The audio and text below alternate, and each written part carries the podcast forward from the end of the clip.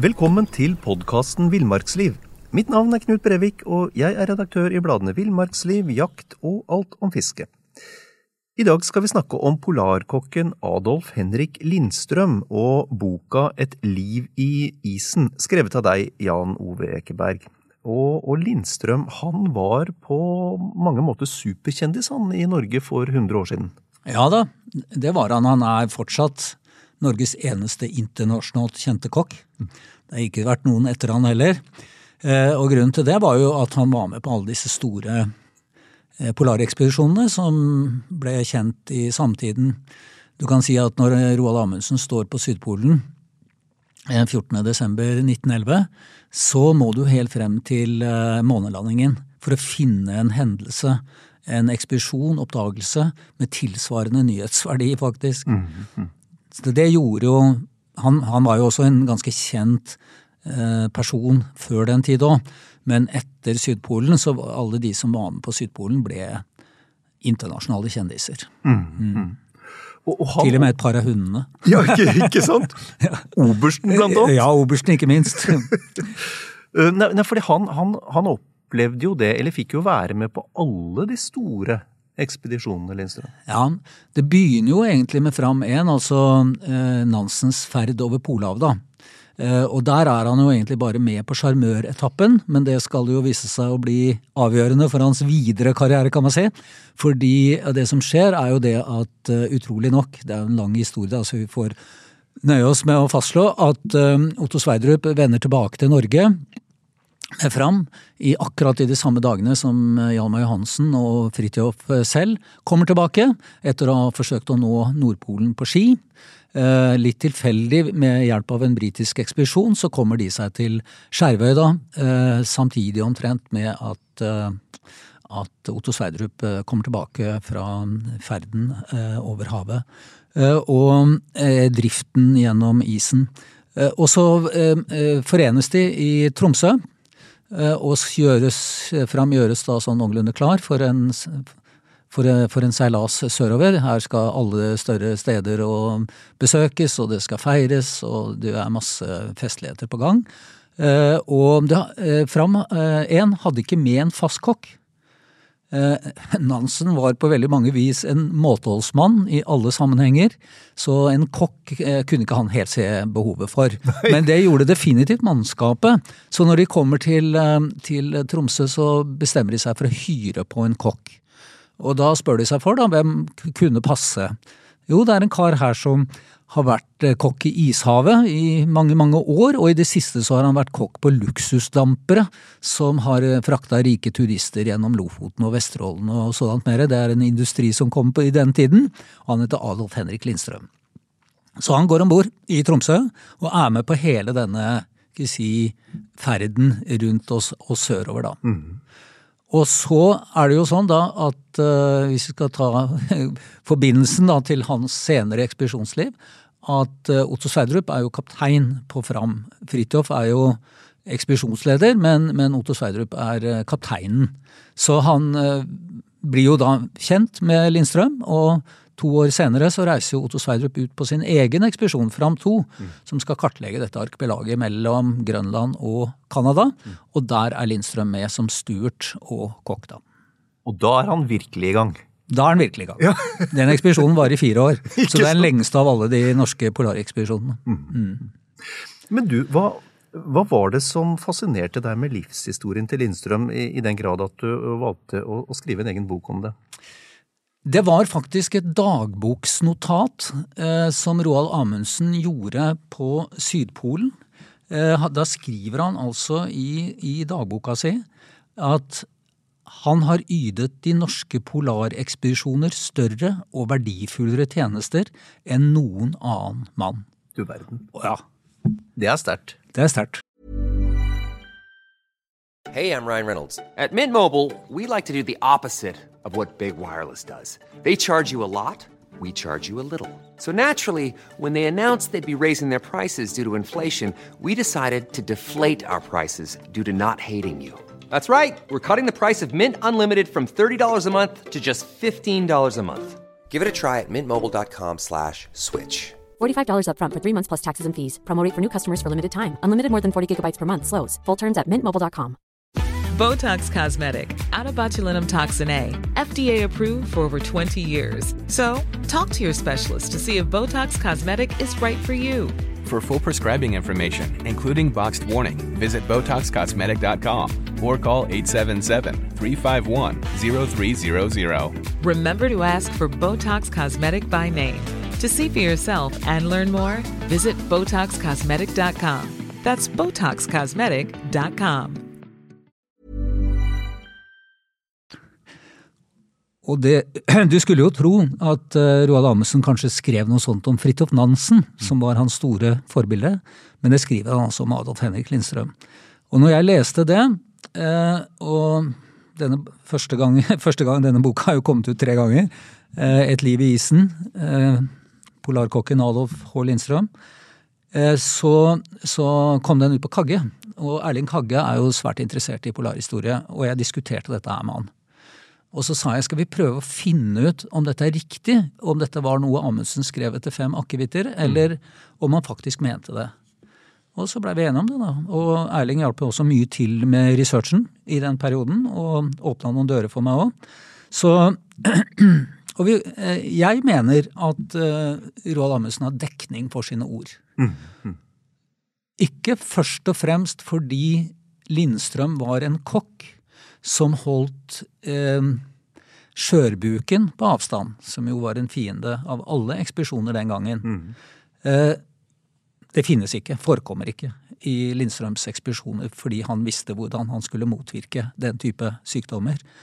Eh, men fordi at eh, Lindstrøm har en egenskap. Han er på mange måter eh, i det ytre en type klovneaktig figur jovial finnmarking mm. med et relativt sterkt eh, ordforråd. Mm. Eh, hammerfesting, intet mindre. Så, eh, men han har en sosial intelligens. Eh, og en, en, empati. Han er en type husmor på disse ekspedisjonene. Mm. Og det er roller som ingen av de andre kan fylle. For, for, for, dette var, altså disse polarfarerne var i grove trekk Det var tøffe folk? Det var barskinger, selvfølgelig. Du overlever ikke på disse plassene uten å være det. Og, men ikke minst i hodet. Det er en undervurdert eh, egenskap, eller det må man kanskje tenke litt nøyere på. En ting er å kunne gå liksom eh, 300 mil på ski inn til Sydpolen og tilbake igjen. Men en annen ting er liksom å være ute i på den mest forblåste plassen i, i verden mm. i et år. Mm. I ei lita hytte og i lange tider var jo Lindstrøm også alene på, på basen. Mm. For de, de, andre var ute på ekspedisjoner. Så den, den psykiske styrken mm. er på mange måter like viktig som den fysiske styrken. Mm. Og, og, Roald var jo så imponert over Adolf Henrik at han ville ha med til på ski. Da lo han godt. Så han kjente jo tydeligvis også sine begrensninger. da. Mm. At han skulle gå til Sydpolen og tilbake igjen. Det så han på som direkte latterlig. Så han visste hva han dugde til. Mm. Eh, og så var han også en sånn type tusenkunstner. Han var jo også mekaniker som kunne reparere eh, si, instrumenter da, som målte vær- og vindforhold og temperaturer og fuktighet osv. osv. Mm.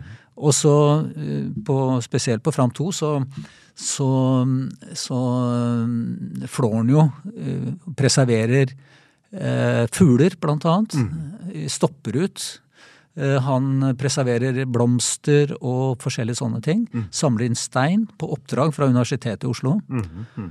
Det var han ikke så rent lite stolt av, tror jeg. Han hadde jo ikke noe mye utdanning, for å si det forsiktig. Nei, nei, han kunne nei. knapt nok eh, skrive. Han mm. leste nok en del, mm. men uh, skriveferdighetene var ikke rare greiene. Nei. nei. For å gripe fatt i det, altså hvordan var det å rekapitulere livet til en mann som nesten ikke etterlot seg noe skriftlig? ja, ja det, det, var ikke så lett. Eh, nå så er jo denne, Jeg skrev jo denne boka her i perioden 98 til 2000. Mm. Eh, nå har Frammuseet eh, digitalisert alle disse dagbøkene, og de er skrevet ned på vanlig norsk osv. osv. Den gangen så lå de originale dagbøkene i universitetsbibliotekets håndskriftsamling. Ja. ja. Så jeg satt eh, i universitetets, eh, eller universitetsbibliotekets håndskriftsamling og gjennomgikk en god del dagbøker.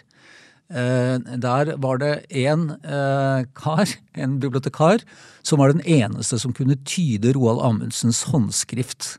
Akkurat. 100 For ikke bare var jo mye av disse dagbøkene skrevet med votter inni et telt og med blyant. Eh, og, men, men Roald Amundsen eh, han lagde sitt eget språk. Han lagde sitt eget fonetiske språk.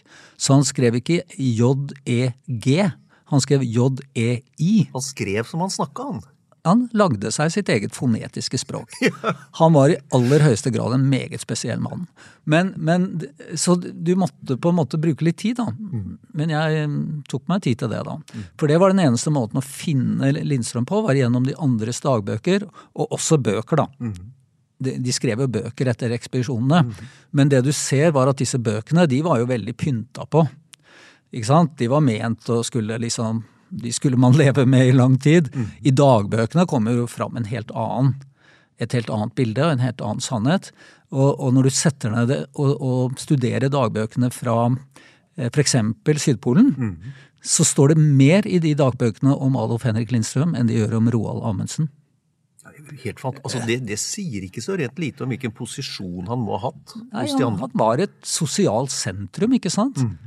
I nyere tid så har det gjort masse forskning på dette. her. Ikke minst har amerikanerne gjort det i forbindelse med måneprogrammet sitt. Om hva, hvordan mennesker påvirkes av isolasjon. da. Langtidsisolasjon. Det er også gjort et stort program om disse polarisubåtene som ligger under uh, polisen med styggedommene sine. Og de viser det at liksom maten, det sosiale samværet rundt maten og byssa, det er, kan knapt nok overdrives for å, som på en måte trivselsfaktor i den type lange isolasjoner. Da. Og som eh, vi var inne på tidligere, så denne Fram-ekspedisjonen, altså den, der var det i fire år altså. Det var 14 mann, en, en død, to dør, eh, blant annet legen. Da var Otto Sverdrup eh, kirurg. For han kunne flå en moskus i 30 kuldegrader. Eh, Og, var god til å slippe kniver. Så du kan bare tenke deg hvordan dette her var. De møtte noen nettsilikker, en og annen amerikansk hvalfanger og, så, og sånne ting. Når de kommer lenger sørover, da. Men, men det var en total isolasjon, ikke sant? La oss holde litt på den, fordi det der er fascinerende. Vi snakker fire år. Det er mørkt, det er kaldt, de har begrensa plass. Det knaker hele tida. Altså, eh, skipet er til enhver tid i fare for å bli skrudd ned. Ja da. Uh, Om ikke til enhver tid, så i hvert fall Innimellom, ja. Innimellom, Ja. ja. Og de har hele- hverandre. Ja da, og, og, og en annen trussel, det er jo brann. Mm. Brann om bord i et skip er jo en like stor trussel som isskruing, egentlig, Mm. i disse situasjonene her. Så de må til enhver tid ha beredskap for Mm. at vi må ta på oss skiene, og så må vi gå til nærmeste by. Den er der borte, den ligger ca. 150 mil unna. Mm. Sant? Eh, så Nei, vi lever jo under et, et press. Vanvittig psykologisk press disse folka lever under, og det over så lang tid. Eh, Og, og, og det er jo, det er jo, interess, det er jo interessant bakteppe med tanke på Lindstrøms kvaliteter. Fordi han, som du har vært inne på, han, han byr på seg selv. Han, han er underholdende. Han lager god mat. Han er et sosialt kraftsentrum. Det er kanskje ikke så rart at han opptar så mye plass i, i disse dagbøkene til, til de andre. Nei da, overhodet ikke. Og så ser vi også at han løser problemer for Sverdrup, uten at Sverdrup på en måte bidrar overhodet, nesten er litt imot. Jeg kan nevne ett eksempel på vi har fortsatt eh, fram to. Altså kartleggingen av dette arkipelaget mellom Grønland og, og, og Canada. Der skjedde det mye forskning, veldig grunnleggende forskning faktisk, på arktisk eh, flora og, og, og biologi. Det var med to naturvitenskapsmenn, en svenske som heter Simons, og en eh, dansk biolog som heter Bay. Denne Simons, han var en småspist liten spjæling, vil vi si litt uh, uærbødig i dag. Eh, han eh, blir jo senere anerkjent som en stor vitenskapsmann. en ny si, altså han, han kartlegger hele denne floraen oppi Arktis der. Men han vantrives altså så vanvittig at han nesten går til grunne psykisk. psykisk. Og så gir da Lindstrøm han særbehandling. Eh, lager spesiell mat til han, gir han ekstra oppmerksomhet. Ja, jeg vet ikke om han serverte han noe fuktige varer òg, som, som egentlig kapteinen skulle ha full oversikt over, men i alle fall. Så det fører jo til en konflikt med Otto Sverdrup, som mener at her er vi alle mannfolk, vi alle må stille likt osv. Men det overser Lindstrøm mer eller mindre. Eh, og det fører jo til at denne Simons, da, eh, eh, holder ut, altså. Mm. Han er jo kjenner, anerkjent som antarktisk eh, Linné, ikke sant? Altså den som kartlegger og systematiserer hele den floraen der oppe. Eller starter det arbeidet, i hvert fall. da. Mm. Så det, det at han på en måte ser mennesker på den måten, er jo med da å berge denne mannen som ellers hadde kanskje gått til grunne, låst seg inne, i verste fall begått selvmord, eller ja Som ikke tålte denne isolasjonen, da. En stor sosial begavelse med Ja høy grad av sosial Ja. intelligens. Ja da. Men, men jeg tenker um, Jeg må få lov til å rose, rose um, Tor Boman Larsen, som jo um, også har skrevet veldig mye polarhistorie, og veldig mye bra om polarhistorie. Han skriver om Lindstrøm at i det ytre var han en klovn, men i det indre et sosialt geni. Og det syns jeg treffer godt. Mm. Og, og, så, kommer han litt på kant med Sverdrup på, på Fram 2. Eh, De skal ligge sammen fire år, og Mm. de har et, et, et litt rart konfliktfylt forhold, eller motsetningsfylt forhold. Kan ja, du si litt om det? Ja da, ja, da det, det er helt korrekt eh, at det forholdet er egentlig ganske fullt av konflikter, i hvert fall i perioder. Eh, Det tror jeg skyldes at de to har svært ulik personlighet. Otto Sverdrup han er bindøl. Det er altså da den sydligste kommunen i Nordland fylke. Han er i mine øyne nordtrønder, da. Og nordtrøndere har jo tatt eierskap til han. Det står en statue av Otto i, eh, i Steinkjer. Og en, og en i Bindalen. Ja, en i Bindalen òg. Ja da. Men han er en betydelig polarfarer. Ja, det bevares, altså. Og, og Nansen var veldig avhengig av han. Så han eh, fortjener sin plass i historien. Men han var en stram kar. Han var en skipskaptein. Eh, Og eh, han eh, ville ha orden og systemer, og var litt bister.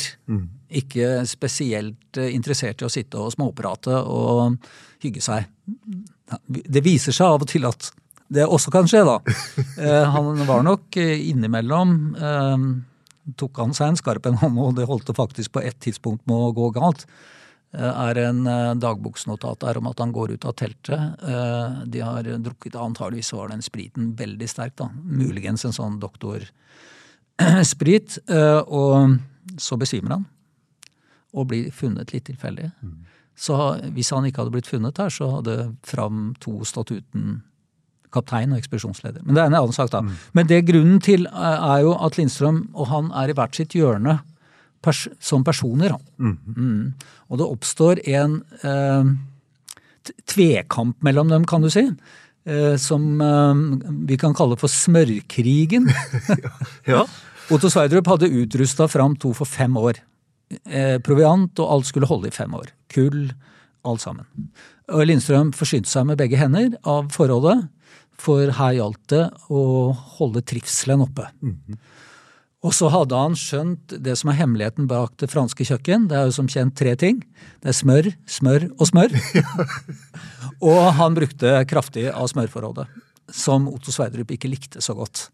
Uh, og da oppstår det som heter smørkrigen, da, hvor Lindstrøm blir pålagt å rasjonere med smør osv. osv. Og eh, for så vidt saboterer sjefens eh, ordre ved å bruke ekstra med smør. Og eh, da, da Otto Sverdrup oppdager dette her, da, så bryter det ut en ganske åpen krig mellom kaptein og, og Stuart om bord på dette isolerte skipet.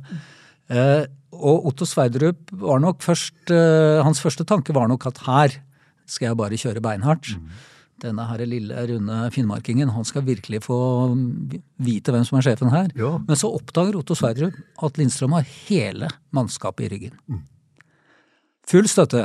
Og det vil ikke en kaptein eh, oppleve, å få hele mannskapet mot seg. I, ute i et isøde. Så der må Sverdrup snu. Eh, ikke, han snur jo ikke tverrsnur på ingen måte, men eh, det kommer til et kompromiss. Kommer til en våpenhvile først, og så senere forhandlinger, som finner da sin, eh, sin løsning. da. Sånn blir smørkrigen løst. Det er en glidende aksept. ja, det er en glidende aksept. Det oppsto også noen konflikter om alkohol, fordi eh, det er jo sånn på disse ekspedisjonene at det er bare kapteinen som kan servere alkohol. Bestemmer når det serveres alkohol. Men så oppdager jo Sverdrup til sin overraskelse at eh, det hender at både kokken og andre er eh, ganske beruset. Uten at han har gitt noe tillatelse til. Ja. Ja, Og det skyldes jo selvfølgelig at Lindstrøm han satte jo øl, blant annet. Og han svidde nok av en og annen eh, skvett med sprit òg, nede i uh, byssa si. Så, men det der, der tapte Lindstrøm egentlig, fordi at uh, han hadde en, en ung byssegutt da, som Sverdrup finner døddrukken. Og da blir det leksa kraftig opp, da. Om han må nå ta ansvar for denne ungdommen. Ja, så, og så led han også nederlag på et annet punkt, fordi som vi nevnte, så, så må det hele tiden være en beredskap for å gå på ski hvis skipet brenner eller skrus ned. Eh, og så finner Otto Sverdrup at eh, dette tror jeg den andre eller tredje vinteren at eh, mannskapet er så feite at de må tvangsmosjoneres. og det lages en rundløype rundt skipet hvor de skal gå da et visst antall runder hver dag. Men kokken mener at det kan ikke gjelde han. Fordi han skal jo tross alt stelle i byssa. men, men, men da får han klar beskjed at det gjelder også kokken.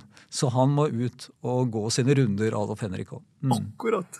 Så, så, så eh, Sverdrup gikk ikke bare på tap. Han eh, Nei da, Nei, og han var en meget myndig mann. Du skulle vite hva du gjorde for noe hvis du satte deg opp mot Otto Sverdrup. Og så tenker jeg eh, du, du skriver jo boka di eh, 'Et liv i isen' eh, om, om arbeidskapasiteten hans, og du har jo vært litt inne på det. Han, eh, han, han kunne jo det meste. Altså, han var kokk, han var mekaniker, og etter hvert så, så gjorde han en ganske betydningsfull innsats eh, i, i form av innsamling av vitenskapelig materiale. Eh, vanvittig arbeidskapasitet. Ja da, han hadde nok det. Men det var jo sånn livet var. Du vet at Adolf Henrik han, han kom fra en familie med, med innvandrere.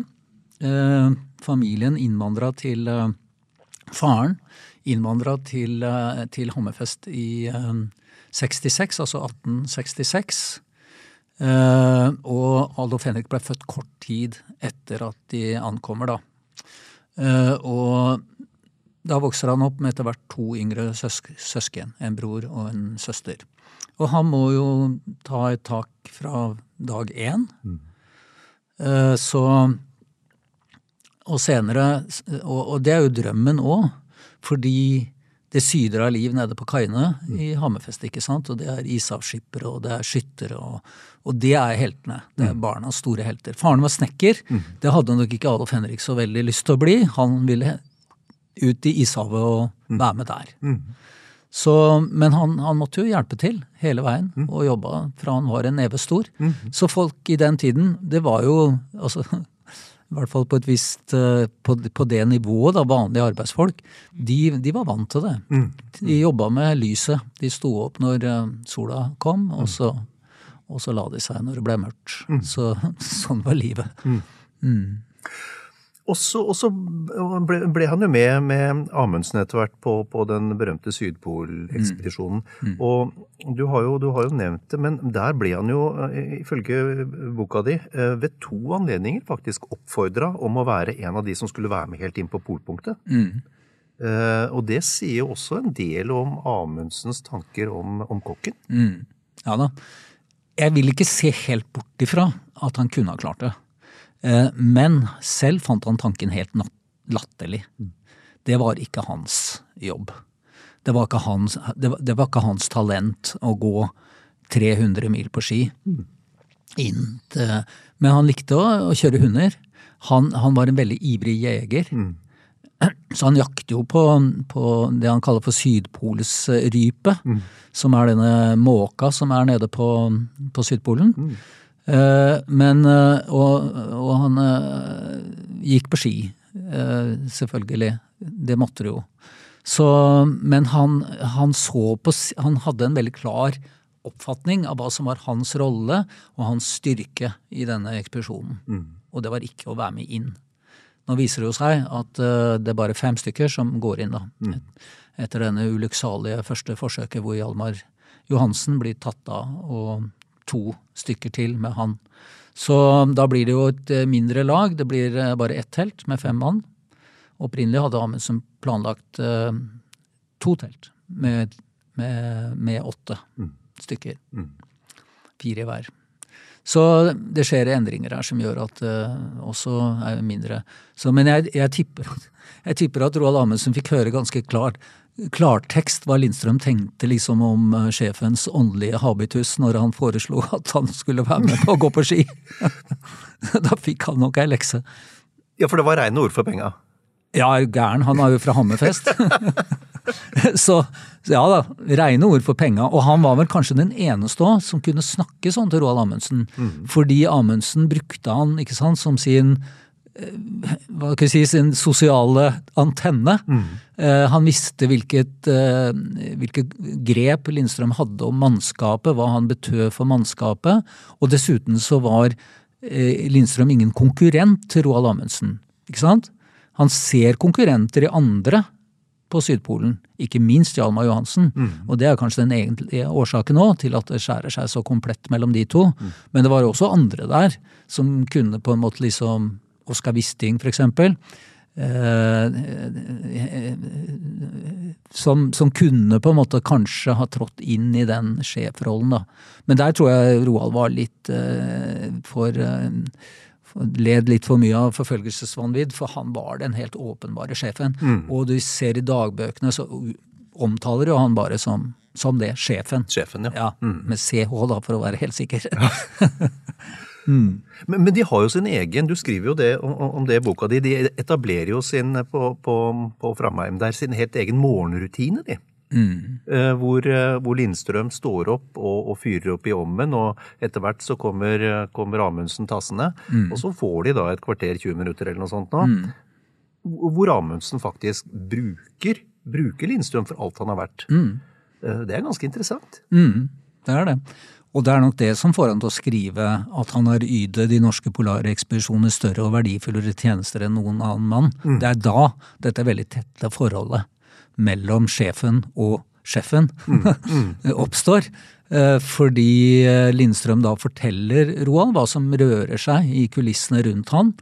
Eh, Og hans oppgave som leder, da, å forstå mennene sine, de blir eh, mye, mye enklere ved at kokken er en slags lyttepost for Roald. Og under dette store skismaet mellom eh, Hjalmar og, og Roald, så er det også Adolf Henrik som på en måte bilegger striden, da. I hvert fall A lot can happen in the next three years. Like a chatbot may be your new best friend. But what won't change? Needing health insurance. United Healthcare Tri Term Medical Plans are available for these changing times. Underwritten by Golden Rule Insurance Company, they offer budget friendly, flexible coverage for people who are in between jobs or missed open enrollment. The plans last nearly three years in some states, with access to a nationwide network of doctors and hospitals. So, for whatever tomorrow brings, United Healthcare Tri Term Medical Plans may be for you. Learn more at uh1.com. Say hello to a new era of mental health care. Cerebral is here to help you achieve your mental wellness goals with professional therapy and medication management support. 100% online.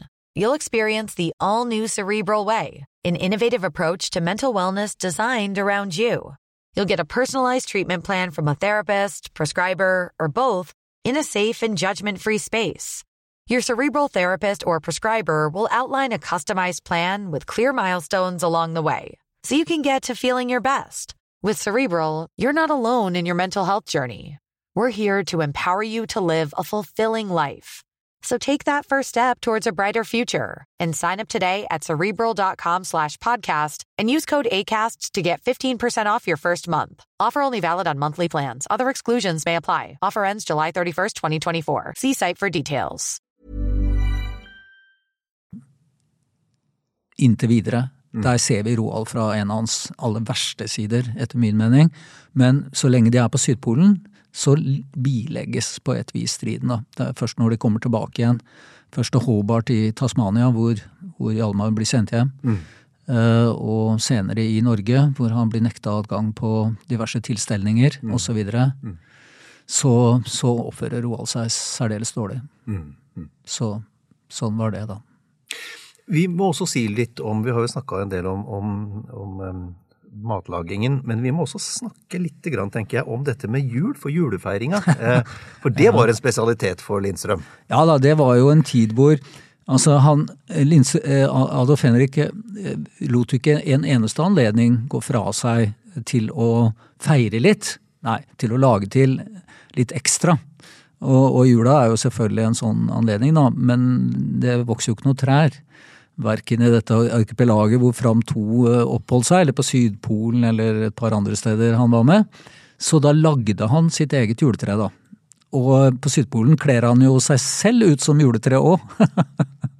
Det er noen fornøyelige bilder. Han sitter med glitter i, i håret og, og så videre og så videre. Uh, nei, så det var jo veldig typisk han.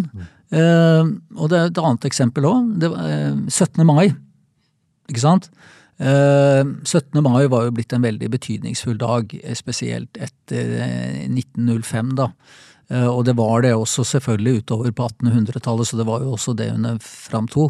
Men Roald, som jo er en særing av dimensjoner, han syntes ikke 17. mai var noe særlig å feire. Han, Nei. han mente at 7. juni, altså unionsoppløsningen, var Norges egentlige nasjonaldag. Ja. Men 17. mai ble feira ettertrykkelig allikevel, for det var nemlig kokkens bursdag. Så det var den kanskje aller største Han er født 17. mai eh, 1866. Ja. Så det var kanskje den aller største feiringen av alle gjennom hele året. Så da, og jeg tipper nok at eh, Roald slo seg ned ved bordet og tok del i festlighetene. Så, så det var det.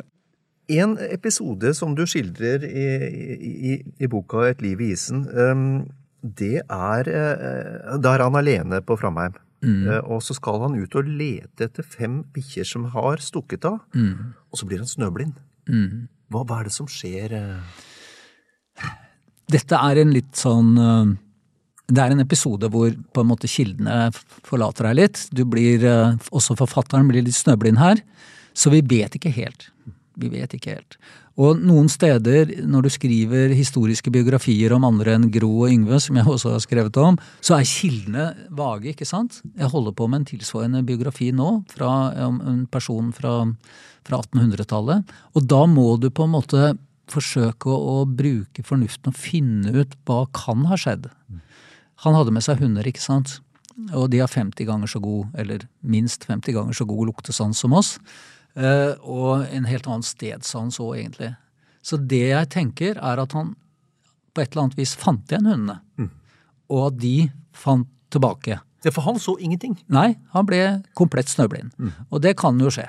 Eh, Og han hadde glemt eh, De lagde seg jo sine egne solbriller, for å si det sånn. Tilpassa på alle mulige vis. Mm. Og det var det jo helt avhengig av der. Det er et ekstremt lys på Sydpolen. Sånn at eh, det, må, det er det som må ha skjedd, altså. At han fant igjen hundene. Men det, det kan du si at det er, en, det er forfatterens gjetning. Men det er jeg jo, må jeg jo være ærlig med leseren og skrive at dette er forfatterens gjetning. Dette har jeg ikke helt sikre kilder på. Men han kom tilbake, i hvert fall. Med hundene. Og godt er det. Ja da. Og der, det, det kan man jo si at der, der jeg Akkurat der savna jeg litt at For der var jo Lindstrøm aleine. Der savna jeg litt at uh, han ikke skrev en liten dagbok, altså.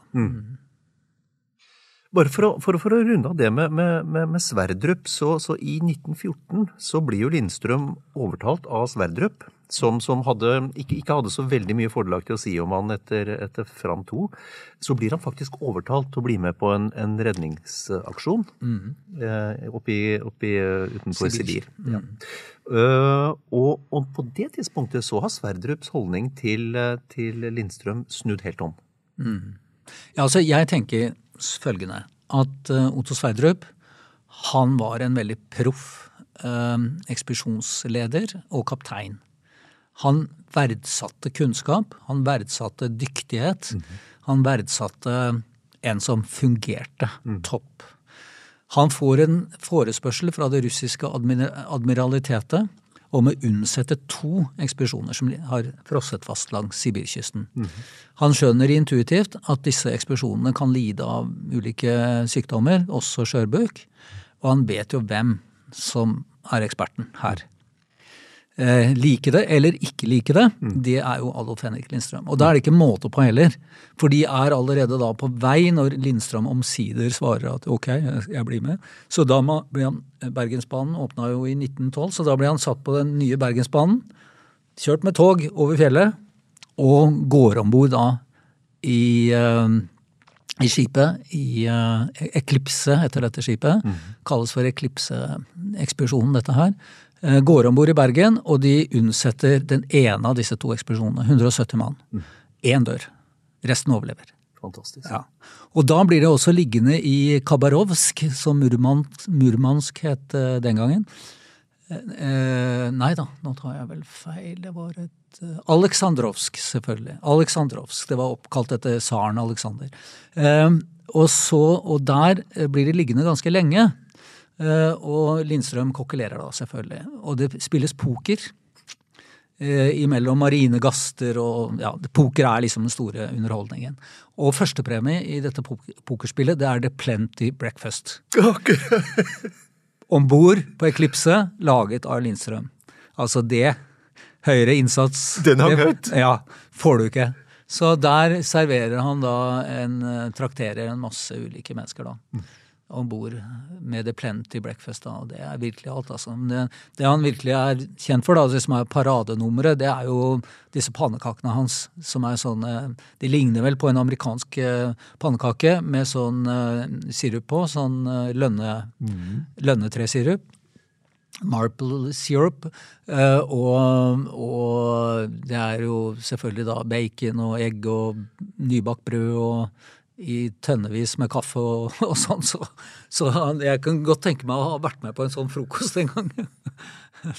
så absolutt. Apropos det, i, i, i boka di så, så, så har du jo referert en rekke av, av oppskriftene til Lindstrøm. Mm. eh, han skrev jo ikke noen selv, men men det er jo rekapitulert. Mm. Har, du, har du smakt på noen av disse rettene? Mm, prøvd å lage noen av dem. Ja. og fått laget noen òg, Ja. faktisk. Eh, det var jo et problem, fordi han, som du sier, ikke etterlot seg noe i det hele tatt. Men så kom jeg i kontakt med eh, en lærer på kokk- og stuertskolen i Tromsø, som har skrevet flere bøker om nordnorske mattradisjoner. Eh, og han hjalp meg da med å rekonstruere disse eh, oppskriftene. Og han er jo blitt en kjendis i våre dager. Eh, Denne mannen. Denne kokken som jeg da har spist og snakket ganske mye med. Ja. Skal vi se om jeg ikke finner ut hva han heter, da. Eh, For han er nemlig med i denne her serien om Norges sprekkeste 70-åring. Å ja! Han er isbader og bodybuilder og ikke måte på, altså. Ja. Men nå står det faktisk litt grann stille for meg her, men jeg skal finne ut hva han heter, altså. Mhm. Du får bare prate litt Ja, mens jeg blar i boka. Ja, altså, av, av, av, alle de rettene. Og her er det mye selretter også. ja. Hvem er din favoritt? Nei, altså, jeg, eh, jeg lager egentlig den herre biff à la Lindstrøm eh, en del. Eh, Fordi eh, den er eh, Det er jo en porterstekt eh, biff, altså, rett og slett. Det er ikke den derre Det er ikke den derre eh, karbonaden som mange Den biff à la Lindstrøm som de spiser i Sverige, da, med, med rødbeter og stekte poteter og speilegg og sånn. Eh, den eh, biff à la Lindstrøm som han lagde, det er, eh, det er eh, en viltbiff. viltbiff som da er eh, marinert og, og stekt i bukkøl fra, bukkøl fra Ringnes. Jeg ble sulten igjen. Ja, ikke sant? Eh, og den er jo egentlig ganske lett å lage, altså. Fordi eh, Fordi eh, Fordi du bare steker biffen. Det er ikke så lett å finne isbjørn nå, men det var opprinnelig det den skulle lages på. Eh, men du kan lage den på rein, f.eks. elg og en del sånne ting. Eh, og så eh, har du den eh, i en ildfastform mm. med, med, med f.eks. en Guinness, en stout eller et eller annet sånt, oppi til, til over biffen, og så masse rødløk. Og så setter du, og pepper, helt pepper, og så setter du den i ovnen i 200 grader. Eller 175. Et, ja, du må ha et lite stektermometer i. Så, så den er egentlig ganske lett å, å lage, og um, veldig godt. Jeg liker den i hvert fall veldig godt. Da har du, da har du eh, også saus, da, til I samme slengen, liksom. Sitter jeg og blar her, altså. Jeg finner ikke mannen igjen, jeg, men eh, kanskje det plutselig dukker opp i huet mitt. En, en annen ting jeg, jeg, jeg tenker på, Jan Ove. Det, altså, han, han tilbrakte et, et liv i isen, som jo også er tittelen tittelen på boka. Ja. Det, det ble lite tid, i hvert fall sånn innledningsvis, til, til kjærlighet og, og familieliv for Lindstrøm. Men etter hvert så, så, så, så fant han jo kvinnen i sitt liv og, og gifta seg. Ja da. Han gjør det. Han møter Altså, det var også en sånn liten research-greie, altså, som, som eh, jeg, eh, jeg strevde litt med, da. Hvordan møter han eh, Olga Johanna, eh, som hun heter da? Eh, og det er eh, Jeg tror det var litt tilfeldig, fordi at, eh, at han Nils Harald Mo heter selvfølgelig han som hjalp meg med. Nils Harald Mo. Og han, det er han som er med i dette TV-programmet om Norges sprekeste 70-åring. Ja. Eh, han er imponerende på alle mulige vis. Eh, og så Nei, altså de, Det jeg gjorde, var jeg satte meg ned på Jeg satte meg ned på, eh, på Riksarkivet. Der har de eh, adressekataloger fra langt, langt tilbake igjen. Du kan rett og slett se hvor folk levde, hvor bodde, eh, og hvor lenge de bodde der. Eh, Og da, da bodde eh, Lindstrøm nede i Munkdamsveien, ikke så langt unna der klubbskjulet lå i sin Ja, tid. ja, ja. Og i det samme eh, leilighetskomplekset da, så bodde Olga. Eh, Så jeg eh, en, Enten så har de møttes mye tidligere, og, for det står ikke liksom hvilken etasje og sånn, eller soverom de bodde på. Så jeg tror de møttes eh, tidligere, og at de bodde der sammen ugift. da. Hun var jo en eh, før de gifta seg, for de gifta seg vel i 15 eller 16, ikke sant? Noe sånt. 15, 1915, eller han var i hvert fall gift når eh, 1917, eh, 1917, det står i boka. Ja, Ja. Det er ikke så lett å huske alt det der. Men iallfall. Så, og hun, var en, hun kunne ha vært verdt en bok sjøl. Hun var jo noe så sjeldent som en eh, privat næringsdrivende kvinne på dette tidspunktet. Hun drev først et, eh, en, en frisørsalong, og så senere en, eh, et parfymeri. En kombinasjon antageligvis. Så etter hvert også en leketøysbutikk, da. Ja. Så jeg ser vel for meg at eh, Adolf Henrik kokkelerte en god del for denne dama mens hun jobba. For sjøl så gjorde han ikke veldig mye mellom ekspedisjonene. da. Han leste nok litt og mm, uttalte seg og, og sånne ting. Hørte mye på radio etter hvert. Men, eh, Og det er sånn han får vite at Roald blir borte da, i ishavet i 28. Det hører han på radio. Så eh, dessverre, da. Hun er jo eh, vesentlig yngre enn han. Det er vel kanskje 20 år aldersforskjell eller noe sånt. Men hun dør før han. Hun dør allerede i 1930, hvis jeg ikke husker feil. Da er hun jo ikke så veldig gammel. da. No, ikke, kanskje fylt 40 eller noe sånt. Ja, litt mer er hun kanskje, men, men i alle fall Vesentlig yngre enn da. Ja, Mm. ves, vesentlig yngre, og dør før. Det tipper jeg var et uh, stort uh, savn for han. Det, så absolutt. Men så blir han etter hvert sjuk sjøl òg, da. For uh, Roald vil jo ha han med på denne Maud-ekspedisjonen sin. Som jo er et forsøk på å gjøre det Fridtjof ikke fikk til, nemlig å nå Nordpolpunktet. Mm. De skal fryse opp langs Sibirkysten, og så skal de fryse inn og flyte. Og, så, eh, og, og dette skipet Maud blir jo bygd ute på Vollen i Asker, hvor det nå er tilbake igjen. Og skal Det er et eh, flott eh, prosjekt, syns jeg. At eh, nå Maud også kommer til heder og verdighet igjen. Ikke bare fram og i øa. Men, men når han går om bord Eller han har nok vært om bord flere ganger tidligere, men han har nå med seg alt han skal ha av personlige ting og sånn. Kommer med hele skipssekken sin. Så faller han i trappa fra De har en liten flytebrygge der, og så skal han gå opp trappa opp på dekket. Og da får han altså et slag da, der eh, kommer raskt på sykehus, eh, men er lam i den ene sida. Eller i hvert fall bevegelseshemmet i den ene sida, og kan ikke være med. Eh, og så sier eh, eh, blir det sagt da at Roald Amundsen han hyrte ikke på noen ny kokk. For en erstatning for Lindstrøm fantes ikke, rett og slett. Og dette preger den ekspedisjonen. Uh, Roald skriver et eller annet sted der oppe, da har det vært så mye sutring og klaging på maten, at han sjøl tar uh, rollen som kokk. Og skriver i dagboka at uh, sjef og sjef, det er jo en snurrig kombinasjon. Ja. Men, men muligens er dette de to viktigste roller på en, en unntagelse, eller en, en, en, ekspedisjon som våres, da, skriver han. Så der får kokkeyrket eh, sin eh, endelige fortjente anerkjennelse.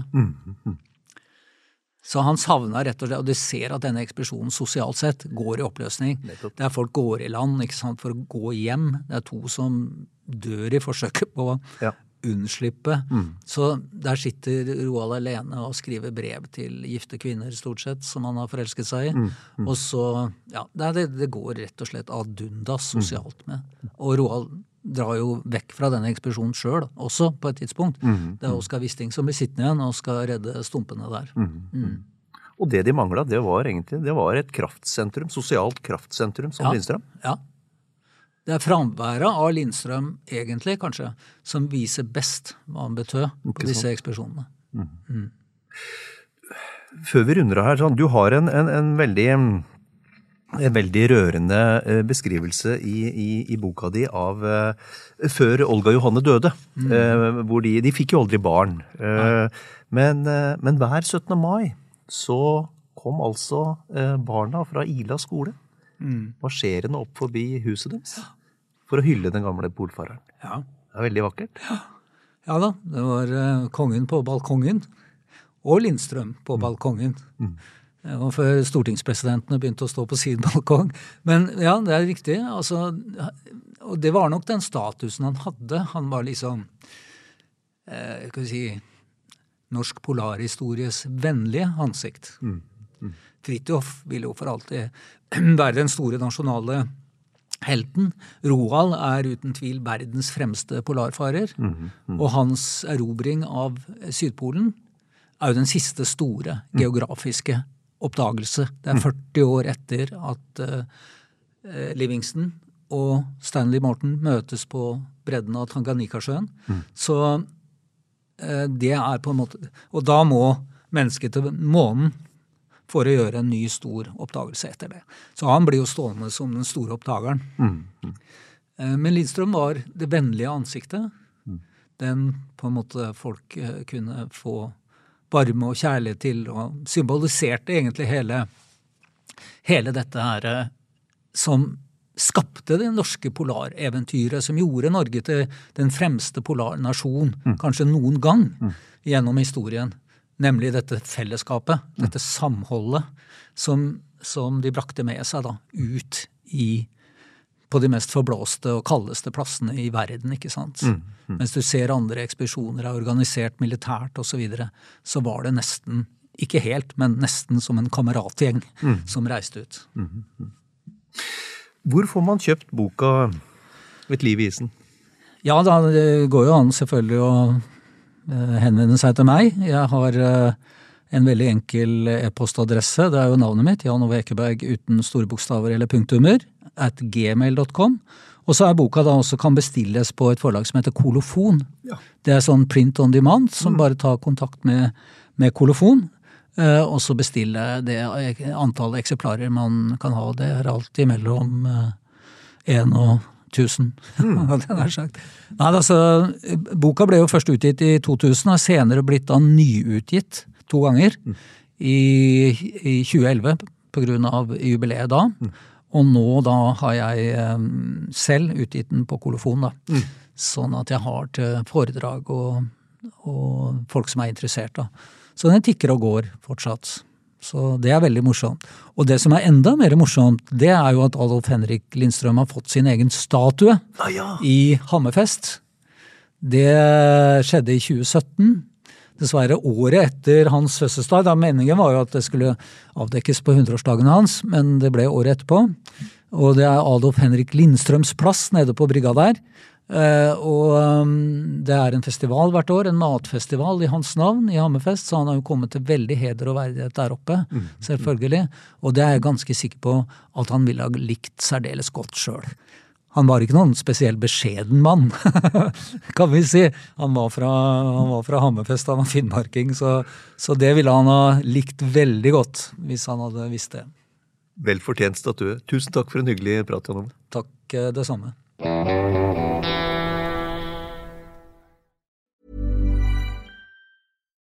Botox Cosmetic, out of botulinum toxin A, FDA approved for over 20 years. So, talk to your specialist to see if Botox Cosmetic is right for you. For full prescribing information, including boxed warning, visit BotoxCosmetic.com or call 877-351-0300. Remember to ask for Botox Cosmetic by name.